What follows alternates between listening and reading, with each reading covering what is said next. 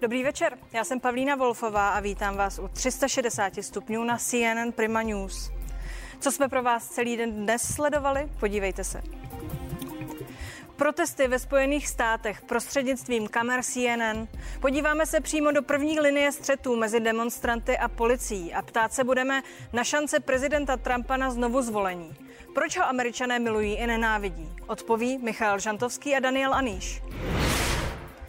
Vláda dnes schválila zákon o evidenci skutečných majitelů. Podle ministrině spravedlnosti Marie Benešové je zákon v pořádku. Podle opozice a protikorupčních organizací zvýhodňuje Andreje Babiše.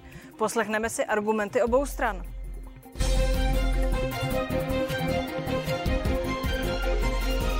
A podívejme se teď na fakta o jednom ze zásadních protikorupčních zákonů. Zákonu o evidenci skutečných majitelů.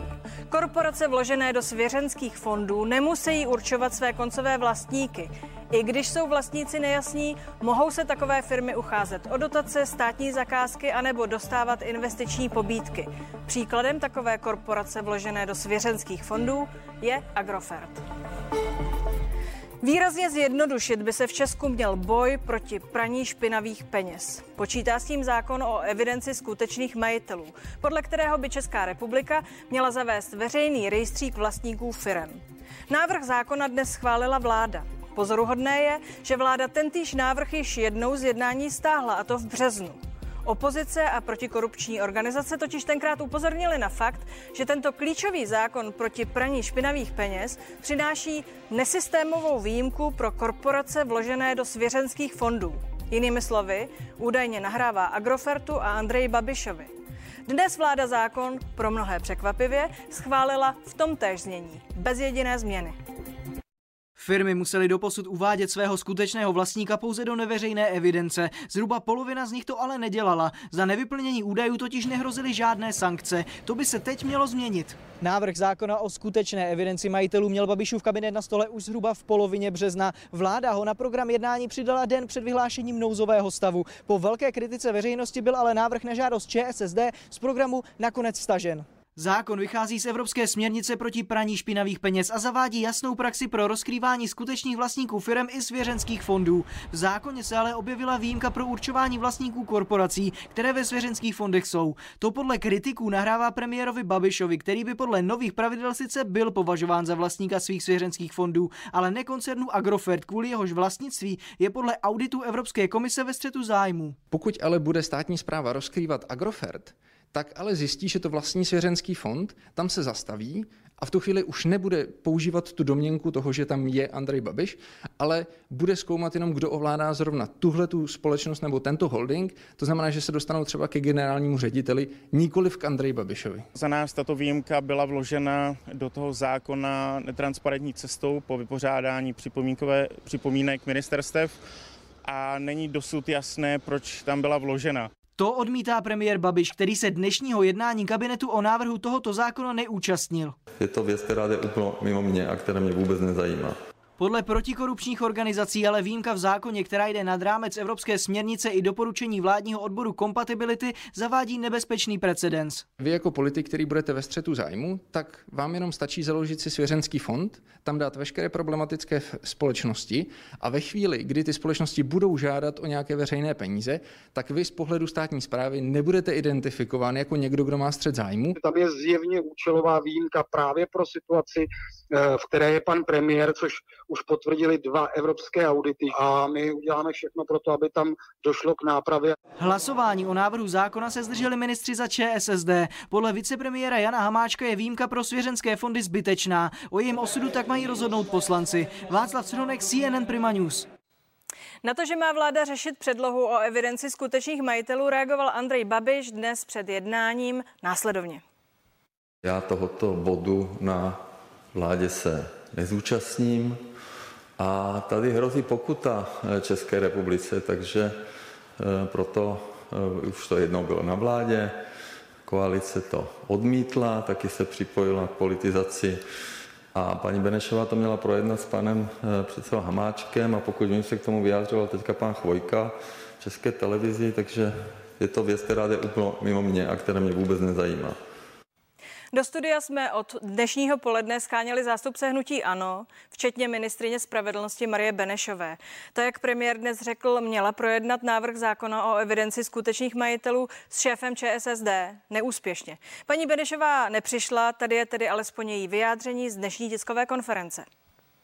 My nepíšeme zákony, aby jsme vyhověli jednotlivci, ale tady šlo výhradně o odborný právní úsudek a přišel s tím legislativní odbor našeho ministerstva a jedná se o materiální zpřesnění, jak jsem řekla, a jde tady o smysl a ne o nějakého jednotlivce. Bohužel je kolem toho trošku živo a transparenci samozřejmě to napadá. Není to poprvé, co něco napadá, napadají to i Piráti, jsem si všimla. A rekonstrukce státu měla také nějaké výhrady.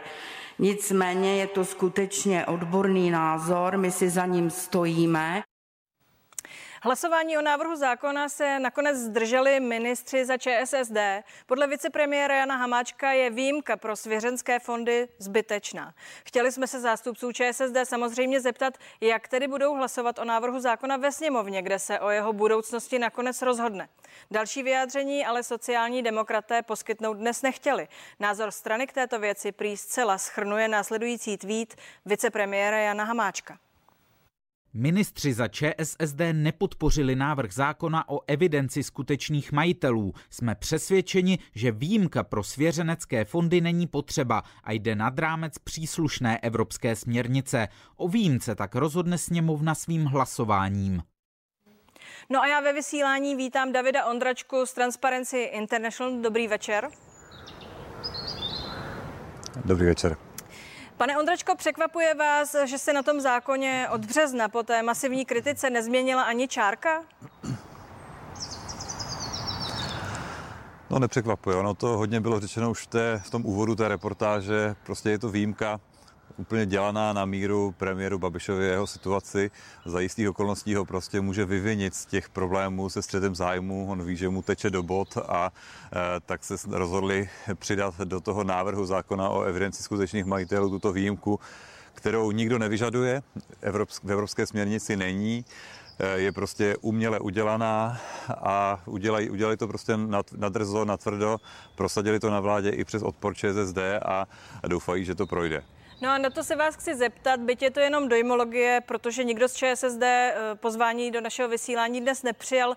Myslíte si, že eh, to je ten důvod, proč to ministři za ČSSD dnes nepodpořili?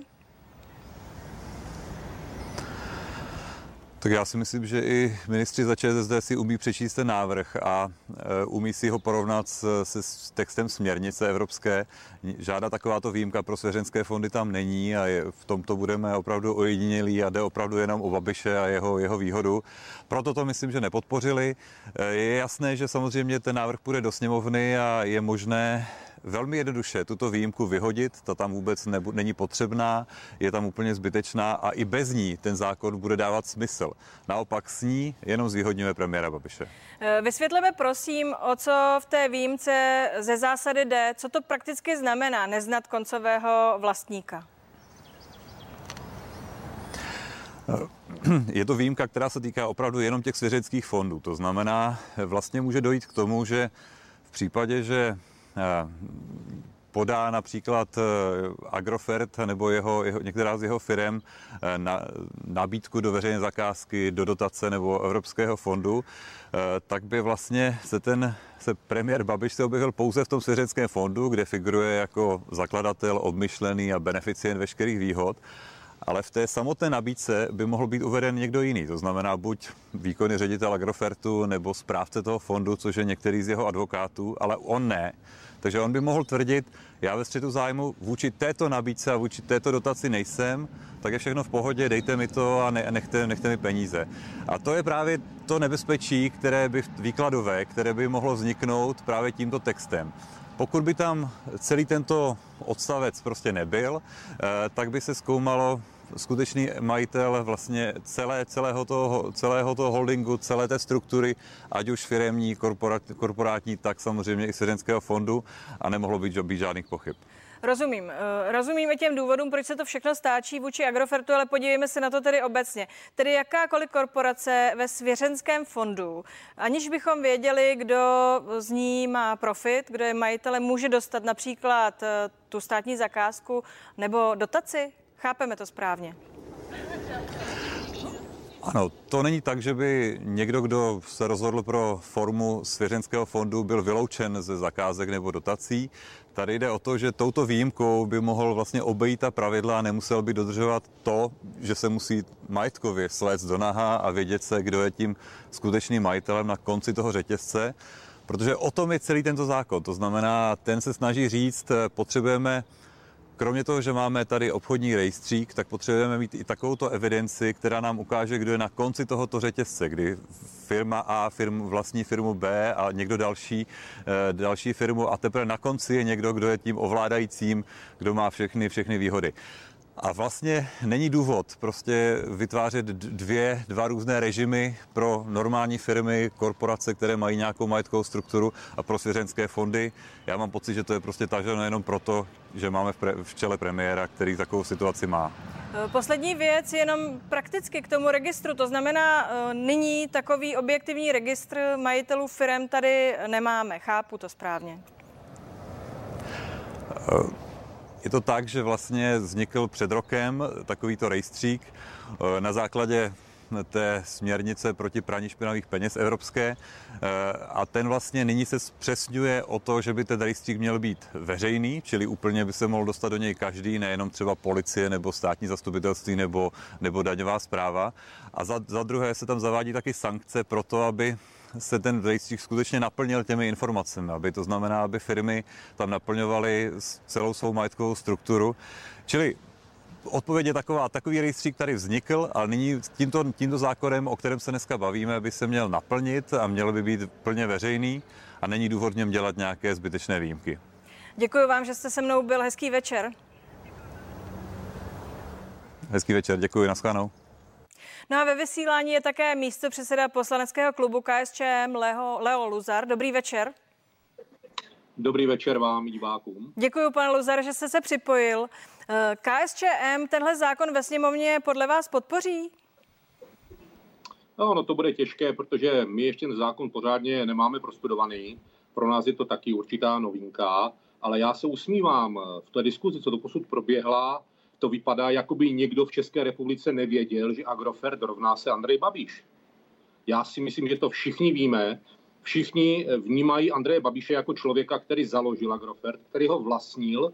A situace právní, která vystala s Lex Babiš takzvaným, který Evropská unie určila jako pravidla eh, vlastnění a ovládání, tak eh, Česká republika se přizpůsobila a vytvořila Lex Babiš, a na základě toho vznikly svěřenské fondy, které pan premiér, no převedl ten majetek pan premiér na tyto fondy. Druhá věc je, že nastala novelizace evropského práva, které zpřísnilo podmínky vlastnění nebo vnímání svěřenských fondů jako určitého eh, problému, který máme. Ukázalo se, že to je docela vážný problém a vláda se snaží najít řešení, jak vyhovět evropské legislativě, aby Česká republika nebyla poškozena v rámci eh, dotací a dalších záležitostí, které Evropská unie jako páky na členské země má. Tady si ale musíme říci, že ať přijmeme, co přijmeme, vždycky tady bude velká skupina lidí, která bude říkat, cokoliv jde do podniků, které spadají nebo jsou v ovládání Agrofertu, vždycky v tom bude mít nějaký háček a budou vnímat, že to je nepovolená dotace a že z toho nějakou formou se peníze vyvádí a končí u Andreje Babiše. Z druhé strany my potřebujeme jasné stanovisko Evropské komise, aby řekla ano, toto, co jste teďka přijali, je legislativně správné, Evropská unie to uznává nebo ne. Čili my si můžeme přijmout jakýkoliv zákon a můžeme se o něm hádat dva dny.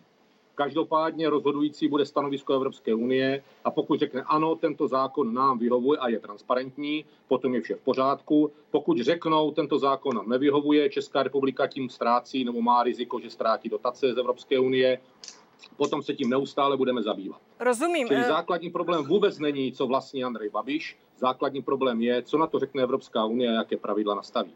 Eh, dobrá, tak se zeptám jinak. Eh, vy, když slyšíte tu kritiku, je na místě podle vás? Protože nebavme se o tom, co vyhovuje Evropské unii. Pojďme se teď bavit o tom, co vyhovuje vám. Co jste schopni, ochotní odhlasovat? Já vnímám jako velký problém to, že voliči dali důvěru panu Andreji Babišovi, zvolili ho premiérem, když věděli, že jeho majetkové poměry jsou takové, jaké jsou, věděli, že je to multimilionář, který vydělává tady v této zemi, má prostředky, má peníze, může si kupovat eh, prostor, může si kupovat a ovlivňovat veřejná média. Toto všechno voliči věděli, přesto mu dali tolik hlasů, že se stal premiérem, vládne této zemi a my musíme akorát zabezpečit tu transparentnost, aby jsme aspoň v tom maximálně možné míře právní vymysleli to, aby nemohlo docházet k určitému ovlivňování, klientelismu, zneužívání státních dotací v rámci podniků. Čili transparentnost, transparentnost, transparentnost. To by měl být základ. Ale Evropská unie do toho vstoupila svými normativy a ty musíme splnit. Tady asi jiná cesta nevede. Já bych se na tu Evropskou unii neodvolávala. Zeptám se ještě jednou. Vy jste ti, kdo podporují vládu Andreje Babiše a proto vidím, že vás neudivuje tahle ta debata. A tak se znovu ptám. Pro vás by byla taková věc, o níž se tady hovoří a rozebrali všichni z mnoha stran, akceptovatelná, abyste na takový zákon kývli?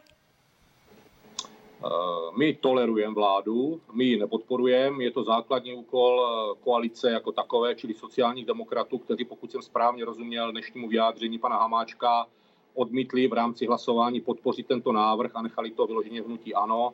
Čili my budeme očekávat tu debatu, která bude se muset teda odehrát ve sněmovně, když se neodehrála ve vládě a podle toho se rozhodneme. Tady samozřejmě eh, je důležité vědět, že Česká republika může být docela vážně sankcionována finančně a je to docela velký problém, zvlášť v dnešní době koronaviru, kdy Evropská unie uvolňuje docela velké prostředky, hovoří se o 50 miliardách pro Českou republiku. Čili tady by byl docela velký problém, kdyby jsme byli kráceni v rámci možnosti podpory české ekonomiky České republiky. Děkuji vám, že jste se připojil. Přeji vám hezký večer, šťastnou cestu. Děkuji i vám do studia. A pirát Mikuláš Peksa je tu s námi také. Dobrý večer. Dobrý večer vám divákům. Opakuji, že jsme dnes celý den zkoušeli zvát do vysílání představitele vládních stran. Jejich reakce jsme odvysílali. A tak se teď ptám uh, vás, proč vy si myslíte, že nemají zájem své dnešní rozhodnutí obhájet? Tak protože oni zcela účelově vrtají díru do toho evropského zákona, aby ho prostě pomocí té díry bylo možno obcházet a ten, kdo má vlastně tuhle tu výhodu nebo uh, chybu v zákoně, kterou vytvářejí, zneužívat, má být přímo premiér České republiky. Eh, myslíte si, eh, že ten důvod, ten údiv nad tím, že ten zákon prošel tak, jak je a že budí podezření, je srozumitelný i eh, těm vládním poslancům, kteří nakonec budou hlasovat a těm, kteří podporují tedy vládu? Já se obávám, že jim to srozumitelné je. Bohužel v tomhle v tom si myslím, že oni prostě budou jednat podle pokynu svého stranického šéfa bez ohledu na e, vlastní svědomí, bez ohledu na nějaké morální závazky, které mají, aby se v České republice nekradlo, aby se tady neobcházely zákony, aby se tady neohýbalo právo.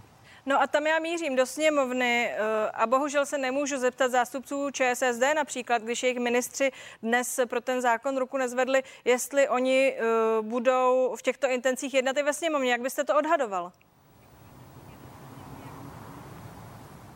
Já si netroufám říct, to je skutečně vnitřní záležitost ČSSD a byť uh, mi asi udělali radost aspoň tím svým postojem dnes na vládě, tak přece jenom nemám uh, v ně takovou důvěru, abych jim věřil, že nakonec pro ten zákon nezahlasují. Pojďme tedy prakticky. Jak by situace vypadala, pokud by tento zákon, tak jak nyní leží, eh, prošel? Můžeme si vysvětlit, jak by vlastně ta evidence do budoucna eh, fungovala? Co by to znamenalo prakticky?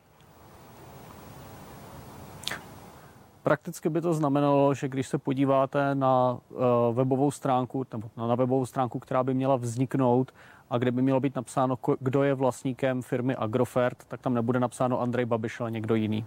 A já bych jenom chtěl podotknout, ono to z té úvodní reportáže nezaznělo úplně jasně. Ta směrnice proti praní špinavých peněz se v čase vyvíjí a už ta předchozí verze eh, v některých zemích byla eh, převedena do národního práva podstatně lépe. Takže když se podíváte v současnosti na stránky slovenského ministerstva spravedlnosti, tak tam uvidíte, že firmu Agrofert vlastní Andrej Babiš Myslím si, že Slováci jsou schopni téhleté preciznosti eh, v případě odkrývání konečných vlastníků dosáhnout a bylo by velice dobré, kdyby toho dosáhli i Češi. Bohužel prostě tato snaha je systematicky sabotována hnutím ano. Tady je potřeba technicky říct, že ten registr ale funguje a už je veřejně přístupný. Také jsem se tam nezdívala a ano, je to pro českého občana poměrně matoucí. Eh, ještě bych se vrátila k té evropské směrnici o praní špinavých peněz, k níž jsme se zavázali připojit. Mimochodem, měli jsme tak učinit eh, již někdy v lednu, že budeme ji implementovat do našich zákonů, tedy máme už půlroční sklus. Eh, co když se nám nepodaří ten zákon teď přijmout, doladit? Budou nějaké sankce, o nichž hovořili pánové před vámi? Tak to teoreticky možné je, ale tam je třeba zdůraznit, že musí fungovat ta část, která odkrývá konečné vlastníky, nikoli ta část, která je zakrývá. To znamená, že pokud nebude přijatá ta výjimka, kterou oni se tam snaží do toho zákona propašovat, tak se vůbec nic špatného nestane. Problém bude, když ten zákon uh, nebude přijat jako celek. A já bych jenom chtěl zdůraznit, ono vůbec není jasné v případě, že ta výjimka se do toho zákona dostane, zdali Eh, vůbec té směrnici bude eh, vyhovovat a zdali bude v souladu s evropským právem. Takže je možné, že když to v téhle formě, jako, jaká dnes prošla vládou, prohlasují, eh, tak bych se obával, že naopak může být Česká republika sankcionována za to. A je tu ještě jedna věc. V pátek jsme odpověděli Evropské unii na audit o střetu zájmu našeho pana premiéra. Tušíte, co v té odpovědi je? Respektive, proč je na to vlastně informační embargo? Já se přiznám, že nevím, já si myslím, že by bylo férové, aby ta odpověď byla zveřejněna. Evropský parlament to opakovaně požadoval, protože my vlastně k této komunikaci se dostáváme eh, přes média, když to někomu vždycky uteče ta eh, zpráva, respektive odpovědi českých ministerstev. Myslím si, že je to nedůstojné a prostě komplikuje to kontrolování vlastně toho, jakým způsobem jsou utráceny veřejné prostředky občanů Evropské unie, nejenom tedy českých, ale obecně všech, protože konec konců to, jakým způsobem eh, se k těm prostředkům může vyjadřovat jeden z eh, velkých beneficientů, má dost velký eh, dopad na celé využití těch peněz, které proudí do Česka. Děkuji vám, pane Pexo, že jste se připojila. Přeji hezký večer. Já také děkuji a přeji hezký večer. Eh, pandemie zdá se upozornila svět na více či méně skryté anebo tutlané občanské nerovnosti v USA. Ve velkých městech se protestuje proti policejní brutalitě vůči afroameričanům. Hoří tu auta a masivně se rabuje. Naši kolegové ze CNN situaci sledují a my vám jejich postřehy v zápětí zprostředkujeme. CNN je samozřejmě i před Bílým domem, odkud k národu promlouvá Donald Trump promlouvá dobře? Jak si stojí v obří krizi? A jak se to odrazí na jeho popularitě před podzimními prezidentskými volbami?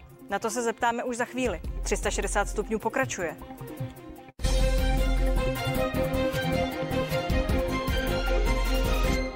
360 stupňů je zpět a my pokračujeme dalším tématem. Spojené státy se už šestý den potýkají s násilnými protesty ve více než sedmi desítkách měst. Ve 40 z nich byly tamní úřady nuceny zavést noční zákaz vycházení. Některé zase vyhlásily stav nouze. Vše odstartovala smrt afroameričana George Floyda ve městě Minneapolis. Pojďme se teď prostřednictvím zpravodajů CNN podívat do jednotlivých regionů. Přímo z místa Floydovy smrti nám poskytne nejnovější informace reportérka CNN Camila Bernal. Tady v Minneapolisu do značné míry ustalo násilí a rozrůstá se pomníček George Floydovi. Podívejte se na to místo, kam tolik lidí přichází truchlit. Toto je křižovatka, kde George Floyda čekal strašlivý střed s policií. Dnes čekáme, že se jeho bratr Terence Floyd přijde pomodlit a položí květiny. Jde o to zaměřit se na George Floyda a nikoliv na násilí. Bude to den zármutku a emocionální den pro tuto komunitu. Celý večer ve městech po celé zemi pokračovaly protesty a násilí. K násilným incidentům došlo v řadě měst od New Yorku až po Los Angeles. Jsme tu kvůli těm, které srazili na zem, kteří už nedokážou stát, protože už nemají hlas. Příčinou byla smrt 46-letého George Floyda, který zemřel v policejní vazbě a který prosil o život, když mu policista klečel na krku. Nejméně 40 měst zavedlo noční zákaz vycházení a více než 10 států nasadilo jednotky národní gardy. Ještě dovnitř. Zůstaňte v domě. Ne všechny demonstrace však byly násilné. V Minneapolisu se účastníci demonstrace včera večer sešli na křižovatce, kde se Floyd střetl s policií, aby mu věnovali vzpomínku. Náčelník policie v Minneapolisu také na tomto místě poklekl a uznal, že policie si musí vést lépe. Členové naší komunity musí vědět, že muži a ženy, kteří nosí tento odznak, slouží jim. A nemělo by se stávat, že musí pochybovat o jejich charakteru a nevědí, jestli se k ním bude přistupovat citlivě a profesionálně. Náčelník policie také říká, že všichni čtyři policisté nesou odpovědnost stejnou měrou. To je jistě vítané prohlášení, ale protestující dál říkají a nadále požadují, že všichni čtyři policisté musí být trestně stíháni. Z Minneapolisu se hlásí Kamila Bernal. Ve Filadelfii na severovýchodě federace protestují, rabují obchody, zapalují budovy i policejní auta. Svědkem toho byl i zpravodaj Brian Todd. Tady ve Filadelfii se policie snaží zadržet rabující a další lidi, kteří se účastní násilných protestů, zapalují policejní auta, střetávají se s pořádkovými silami a útočí na ně. Tato situace trvá už od sobotního večera a policie se snaží skupiny rozpoutávající chaos zadržet. Tady na Proud Street na severu Filadelfie jsme právě svědky toho, jak policie pozatýkala několik lidí, kteří prý rabovali v tomto obchodě se sportovním zbožím. Policie právě odvádí spoutaného mladého muže k policejní dodávce. Jak už jsem říkal, podezírají ho z rabování. Policie by ale potřebovala takto zasahovat na mnoha místech současně a také musí na místo dorazit včas. A to se jí ne vždy podaří. Policisté se také stali terčem útoků, lidé po nich házeli zápalné lahve, cihly, kameny, zapalovali jim auta. Sami jsme toho byli svědky v neděli, kdy jsme se pohybovali v oblasti na západě Filadelfie právě během zásahu zásahu bezpečnostních složek. Náš tým byl zasažen slzným plynem i gumovými projektily. Vyvázli jsme jen tak tak. Brian Todd, CNN, Philadelphia. Podobná situace panuje taky na opačné straně státu. V ulici Melrose Avenue v Los Angeles už chrání před žhářstvím a rabováním dokonce Národní garda, vojenská milice, která podléhá přímo guvernérovi Kalifornie. Na místě natáčel kolega ze CNN Paul Verkemen. Populární Melrose Avenue v Los Angeles zasáhlo rabování. A tady sami vidíte, jak dopadl kosmetický salon Pearls a vedle něj butik s oblečením. Majitelé obchodu na Melrose Avenue nám říkali, jak se zoufalstvím sledovali, jak někdo vzal palici za pár dolarů, vymlátil jim výlohu a pak lidé obchod vyrabovali, ukradli boty, oblečení a další zboží a potom obchod vypálili. Jak sami vidíte, teď je tady na Melrose Avenue Národní garda, aby zabránila dalším takovým incidentům. Mluvili jsme s majiteli obchodu a ti byli v naprostém šoku. Mnohým se prostě nechce věřit, že by někdo byl schopen vypálit jejich rodinné podniky ale pozbuzující je, že mnozí nám na závěr řekli, že se pokusí vše opravit a znovu otevřít. Z Melrose Avenue v Los Angeles Paul Verkamen.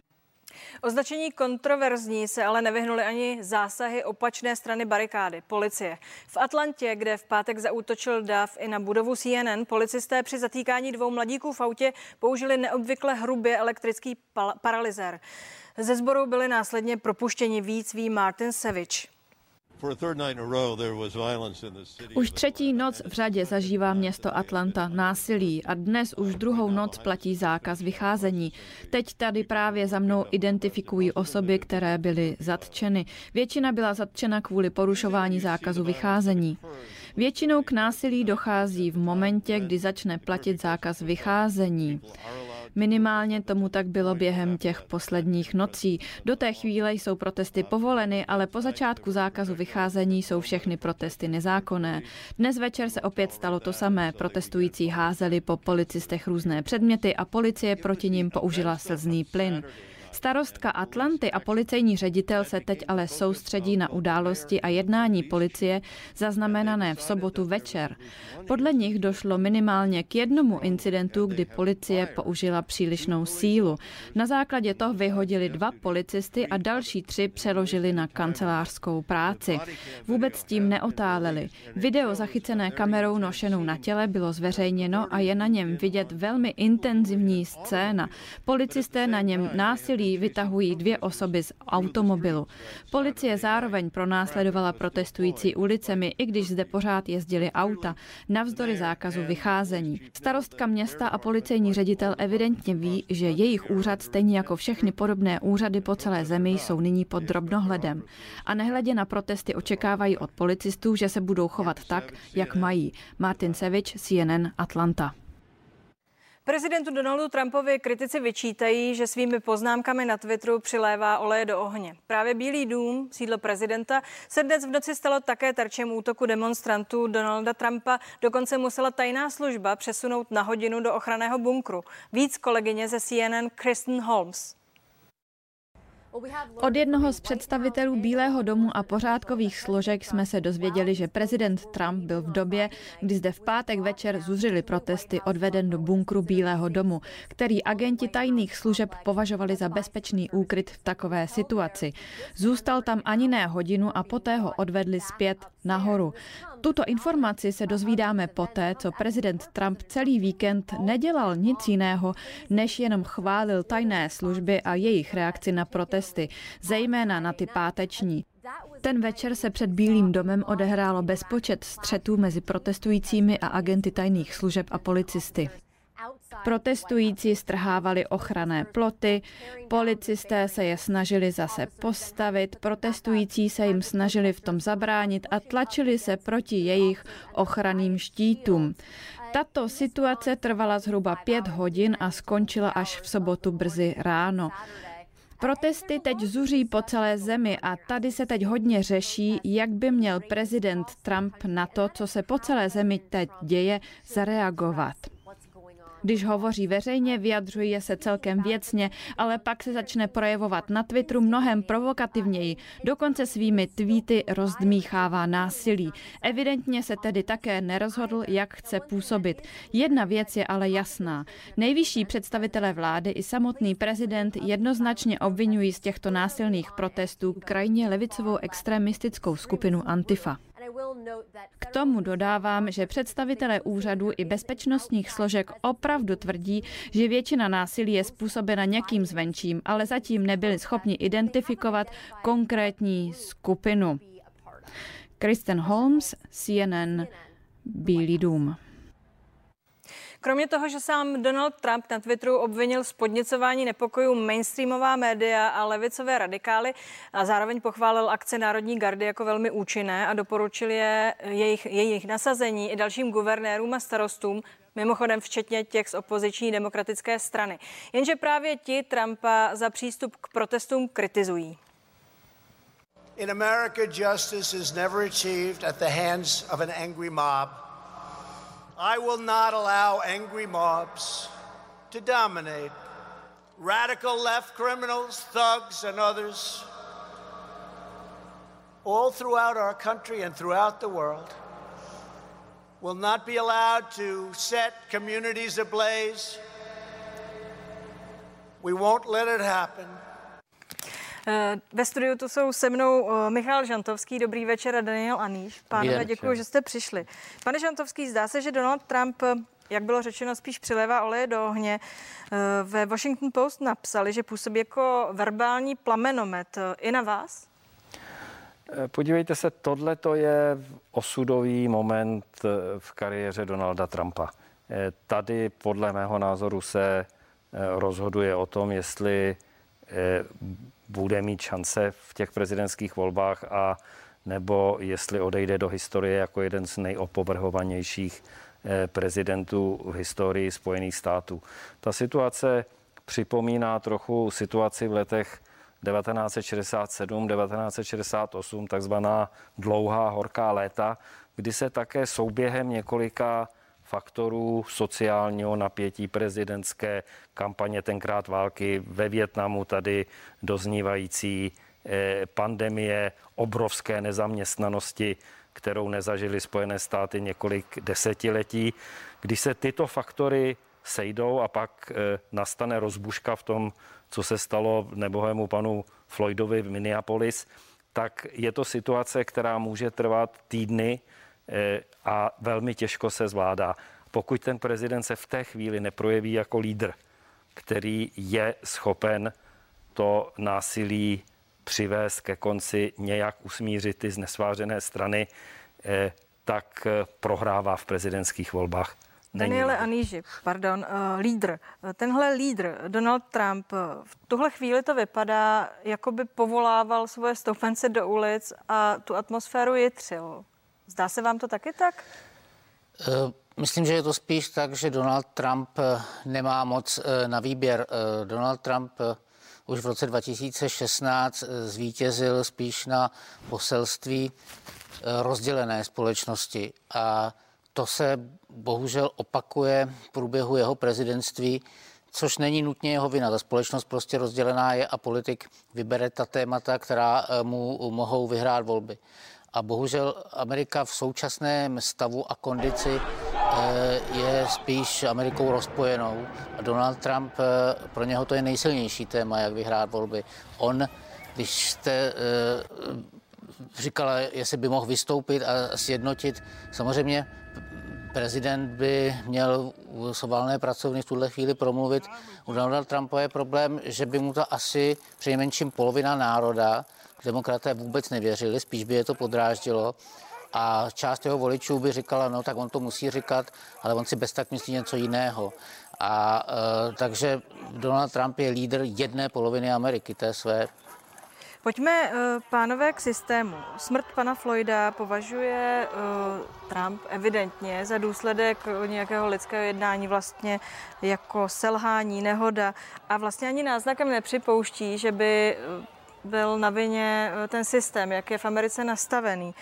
Řekněte mi, pane Žantovský, je to ojedinělá nehoda, anebo je to vracející se chyba toho systému? Eh, tahle kontraverze se opakuje vždy, když dojde k nějakému podobnému případu, jaké byly v New Yorku, v Los Angeles a Tedy co to znamená? teď v Minneapolis. A není to jednoduše zodpověditelná otázka. Na jednu stranu není pochyb o tom, že v, co se týče rasové rovnoprávnosti, tak Amerika ušla velký, velký kus cesty a to dosvědčují i ty vyjádření politiků, guvernérů jednotlivých států, starostů jednotlivých měst. Na druhé straně je pravda, že v amerických věznicích je asi třikrát tolik eh, černých američanů jako američanů, kteří nemají černou pleť. Eh, to apologeti tohohle systému odůvodňují tím, že páchají víc zločinů. A tady bych se, pardon, zastavila, pánové, protože na těch záběrech ti, co rabují, ti, co vykrádají ty obchody, ti, co eh, se projevují násilně, jsou velmi často k vidění v drtivé většině právě afroameričané. To znamená, asi tam se potkávají obě ty uh, strany toho sporu. Bohužel mm, ta realita je taková, že samozřejmě ty eh, sociální neduhy společnosti americké víc dopadají na afroameričany. Začíná to už přístupem ke vzděláním, začíná to tou sice Eh, formálně odstraněnou zákoně segregací, ale v praxi stále pokračující. Bavíme se o jedny z nejbolavějších, možná vůbec nejbolavějším pro, problémů USA. Myslím, že všechno ostatní se dá řešit, všechno ostatní Donald Trump, já se nebojím, eh, že by nějak poničil demokracii. Myslím si, že ta rovnováha pak a vyvažování v USA bude fungovat. Ale to, co od začátku mě vlastně na eh, Donaldu Trumpovi Eh, vadí, eh, protože se toho bojím, je eh, jeho sklon hm, přehlížet rasismus nebo dokonce ho využívat. Už v roce 2016 to popsal jeden novinář, že Donald Trump sice není rasista, ale nebude mu vadit, když ho rasisti budou volit. A podle mě si v tomhle smyslu hm, zahrává uh, hrozně bolavou věcí, protože, jak říkal Michal Žantovský, uh, je to eh, věc, eh, která se tahne prostě historií americkou. Vrací se to Dneska jsem několikrát narazil na, na, v amerických novinách na citát jižanského autora Williama Faulknera, že minulost není mrtvá, minulost ani není. Je to prostě tak, že tohleto téma založené opravdu na tom problému otroctví se promítá znova a vrací. Vždycky to má nějaký podklad, ale zeptám se jinak. Podívejme se na to rabování. Asi se všichni shodneme na to, že tohle prostě cesta není. Mě by zajímalo, jestli máte pocit, že by se mohlo stát cokoliv, aby tady tuhle ten hněv té ulice, to, co se tam děje a shodneme se na tom, že takové věci se dít nemají, se dá otočit v cokoliv konstruktivního, co se bude dívat dopředu. Teď, v tuto chvíli. Co by se mělo stát, pane Žantovský? No, ta tragédie je v tom, že Amerika je už předtím, než se tohleto stalo, je rozdělená. E, není v ní žádná sjednocující síla, žádný sjednocující vůdce nebo politik, který by dokázal přivést ty strany k sobě. Donald Trump to obávám se není, ale obávám se, že to není ani Joe Biden. Čili eh, bude velmi obtížné eh, toho smíření dosáhnout a v takové situaci může Donald Trump chtít těžit z těch vzrůstajících obav té americké střední třídy, vlastně nejpočetnější vrstvy voličů a snažit se je, a mnozí z nich by dávali přednost pravděpodobně demokratickému kandidátovi, snažit se je přetáhnout na svou stranu tím, že ukáže silnou ruku, že eh, jak si prosadí ten zákon a pořádek způsoby, které si raději hm, nechci moc představovat. A jsme u voleb, pochopitelně, které uh, ťukají na dveře. Uh, Donald Trump podle těch amerických průzkumů takových těch kavárenských od stolu prostě teď prohrává. Nicméně sáskové kanceláře stále sázejí e, zrovna na Trumpa. Zdá se vám, že prohrává v tuto chvíli? Průzkumy bohužel nejsou eh, posledních mnoha let eh, nejlepším vodítkem. Viděli jsme to v roce 2016, jak eh, ve volbách v Americe, tak třeba při Brexitu. Prostě je část voličů, který možná ani ještě neříkají úplně pravdu. Takhle to, to byl problém toho roku 2016. Jestli prohrává, má na, na své straně obrovskou výhodu, že je prezident, má ten svůj velký megafon a v jeho případě myslím, že on sám věří tomu, že pokud nespletete moje jméno, tak eh, jakákoliv reklama, i ta špatná, je dobrá. A bylo to vidět v té mm, krizi koronavirové, kdy podle průzkumu na tom ztrácí, ale on dělal hodinové tiskovky den za dnem a Joe Biden seděl eh, ve Wilmingtonu. To je mimochodem zajímavá věc. Ti demokraté, eh, kterým by se teď mělo dařit podle těch výzkumů, nebyli řadu týdnů vůbec vidět. Nevěděli jsme, kdy je pan Biden a teď jsme ho viděli, kdy zrovna v naší televizi řešil, že hledá vice prezidentku. Tedy ptám se, uh, takhle se vede kampaň v Americe? No, já si myslím, že možná také to nedokážu úplně pochopit. Já si myslím, že možná demokraté vsadili na to, že Trump se zničí sám. Ale... Jakože čekají, co ještě řekne? Ano. Ale eh, já řeknu jednu věc. Já si myslím, že po tom, co se stalo o tom po víkendu, o víkendu, můžeme na všechny průzkumy veřejného mínění zapomenout. Jo? Pandémie, impeachment, všechny jeho výroky, někdy legrační, někdy trošku horší než legrační, to všecko půjde pryč. To, co rozhodne o výsledku voleb, je, jak se vyrovná s touto krizí a jak se s ní vyrovná jeho protikandidát. Pořád trvá ale fakt, že spousta Američanů ho miluje. Eh, když se podíváte eh, na tu strukturu, tak eh, tam momentálně díky pandemii seděla řada lidí doma a pracovala z domova. A pak je tam řada lidí, kteří nemohou pracovat z domova, protože vykonávají profese, za kterými musí jít. A často jsou to ti afroameričané a hispánci, kteří musí chodit do práce. Taky řada z nich byla právě proto mezi těmi nakaženými kde, kde, kde jsou ty sympatie? Jsou samozřejmě mezi těmihle lidmi, těmi pracujícími, kteří teď slyší na to, že říká, pojďme, otevřeme se světu, nastartujme ten biznis? No, ale není to tolik mezi Afroameričany a Hispánci, je to mezi tou bílou dělnickou třídou na středozápadě, kde on, mm, jak už připomněl Michal Žantovský, dokázal si vzít od demokratů v roce 2016 voliče v těch klíčových státech. Samozřejmě je tam ten systém volitelů, kde on ve třech státech, kterému e, získali vítězství, získal 77 tisíc hlasů navíc. Proč tak milují? Prohrál. Nekriticky, protože že snesli i některá prohlášení, kterým se smál úplně každý? Protože, eh, a to je potřeba říct, že pro tyto Američany eh, se Amerika, dejme tomu v posledních 20 letech, postupně, eh, hlavně kulturně, dostala na příliš, nebudu říkat doleva, ale do liberálních vod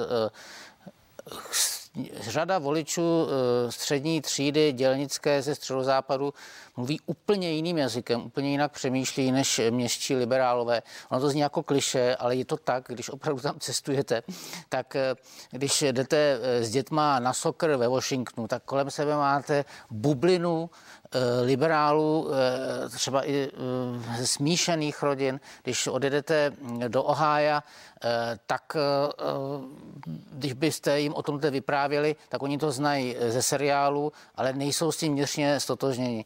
Donald Trump přišel a řekl, že se stane hlasem těch lidí, kteří dosud nebyli slyšet. A, a to se mu podařilo. A to se mu podařilo. Navzdory tomu, že se mu to podařilo z té uh, věže. To je ten jeho mistrovský. Čím to dokázal? No, je tady ještě jeden moment, kromě toho, co teď popisoval eh, Daniel. Američané jsou v obrovské většině velcí vlastenci. A mnozí eh, američané prostě trpěli dojmem, že Amerika ztrácí své místo ve světě, že nepožívá patřičného respektu a to byl, to stálo za tím sloganem Trumpovým eh, udělejme Ameriku opět velkou.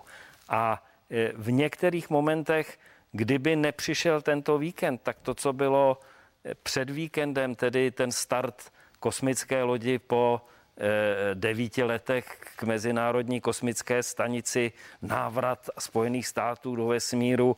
Eh, Trump byl osobně u toho, to všechno by hrálo pro něj, to všechno by, by mu dávalo body, ale jestli to bude stačit po tom, co se stalo teď, to nevím. Pánové, situaci v USA jsme teď viděli z příspěvků mých kolegů ze CNN.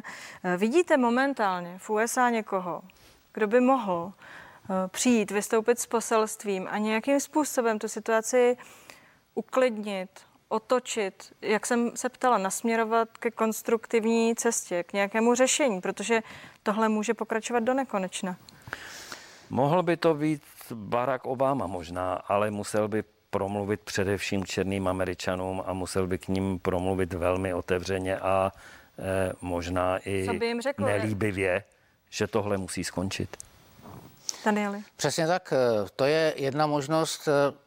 Protože opravdu mm, ze strany Donalda Trumpa to nelze čekat, že jak jsem říkal, eh, polovina lidí mu neuvěří, že tak ta situace tam teď stojí. Já eh, přemýšlím i o některých guvernérech, eh, protože jak se ukázalo i v té krizi pandemie, tak nakonec oni měli nejlepší hodnocení, protože oni jsou ty, kteří nakonec rozhodují o té situaci v terénu a ukazuje se to i teď, podle mě nakonec to budou guvernéři, který stát po státě si uklidní tu situaci v tom lepším případě. Eh, mně se líbí třeba, ale nemá Larry Hogan, který je eh, republikánský guvernér demokratického státu, dokonce taky přemýšleli v jednu chvíli republikáni, že by kandidoval, ale proti Trumpovi by neměl šanci. Myslím, že z této úrovně by se mohl aspoň ozvat eh, hlas jako by rozumu, který by řekl, já jsem to u sebe ve státě dokázal, pojďme eh, to zkusit i jinde. Nesl by Trump takového konkurenta na scéně v tu chvíli, podle vás? No samozřejmě by ho okamžitě při nejmenším na Twitteru smetl. To, eh, o to, to není pochyb. Pánové, Směřujeme k prezidentským volbám. Tady jsme rozebrali různá pro a proti. Eh, máme tady pana Bidena, máme tady Donalda Trumpa. Pan Sanders, který mimochodem už na začátku dubna říkal, že to k těm nepokojům povede, tady ta pandemie, ten už je mimo hru.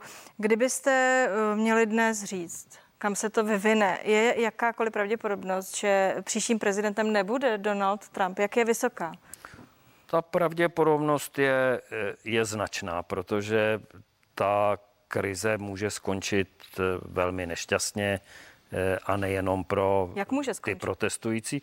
No, rozsáhlými policejními, vojenskými zásahy, desítkami eh, mrtvých, to asi žádný prezident nepřežije. A nebo může skončit o něco lépe a ten prezident, který je momentálně v úřadě, si z toho může odnést prostě zásluhu za to, že on obnovil eh, zákon a eh, pořádek. Ale já osobně se obávám, že nás čeká to, co jsem na začátku nazval tím dlouhým horkým létem a to o tom výsledku rozhodne. Pana Neží, stejná otázka. Teď je to rozehráno takto. Jak vy vidíte ten konec, který by měl přijít 3. listopadu? Věc je taková, že na konci toho horkého léta vyhrál Richard Nixon, protože Přesně. nabídl uh, zákon a pořádek. Přesně tak. A ta takzvaná mlčící většina Američanů mu jak v 68. tak v roce 72 uh, eh, dala uh, Bílý dům. Já bych Americe přál, aby tuhle situaci zvládla, což by znamenalo, že by možná vyhrál Donald Trump, takže si trošku protiřečím. Ale radši, kdybych měl mm, eh, se rozhodnout mezi tím, jestli tuhle situaci zvládnout v horizontu týdnu, aby nebylo to horké dlouhé léto, a za cenu toho mít potom Donald Trumpa v Bílém domě, že by to podal jako svůj úspěch, tak bych skoro řekl ano. E, protože ten eh, druhý scénář je opravdu eh, velký nebezpečný eh, rozklad.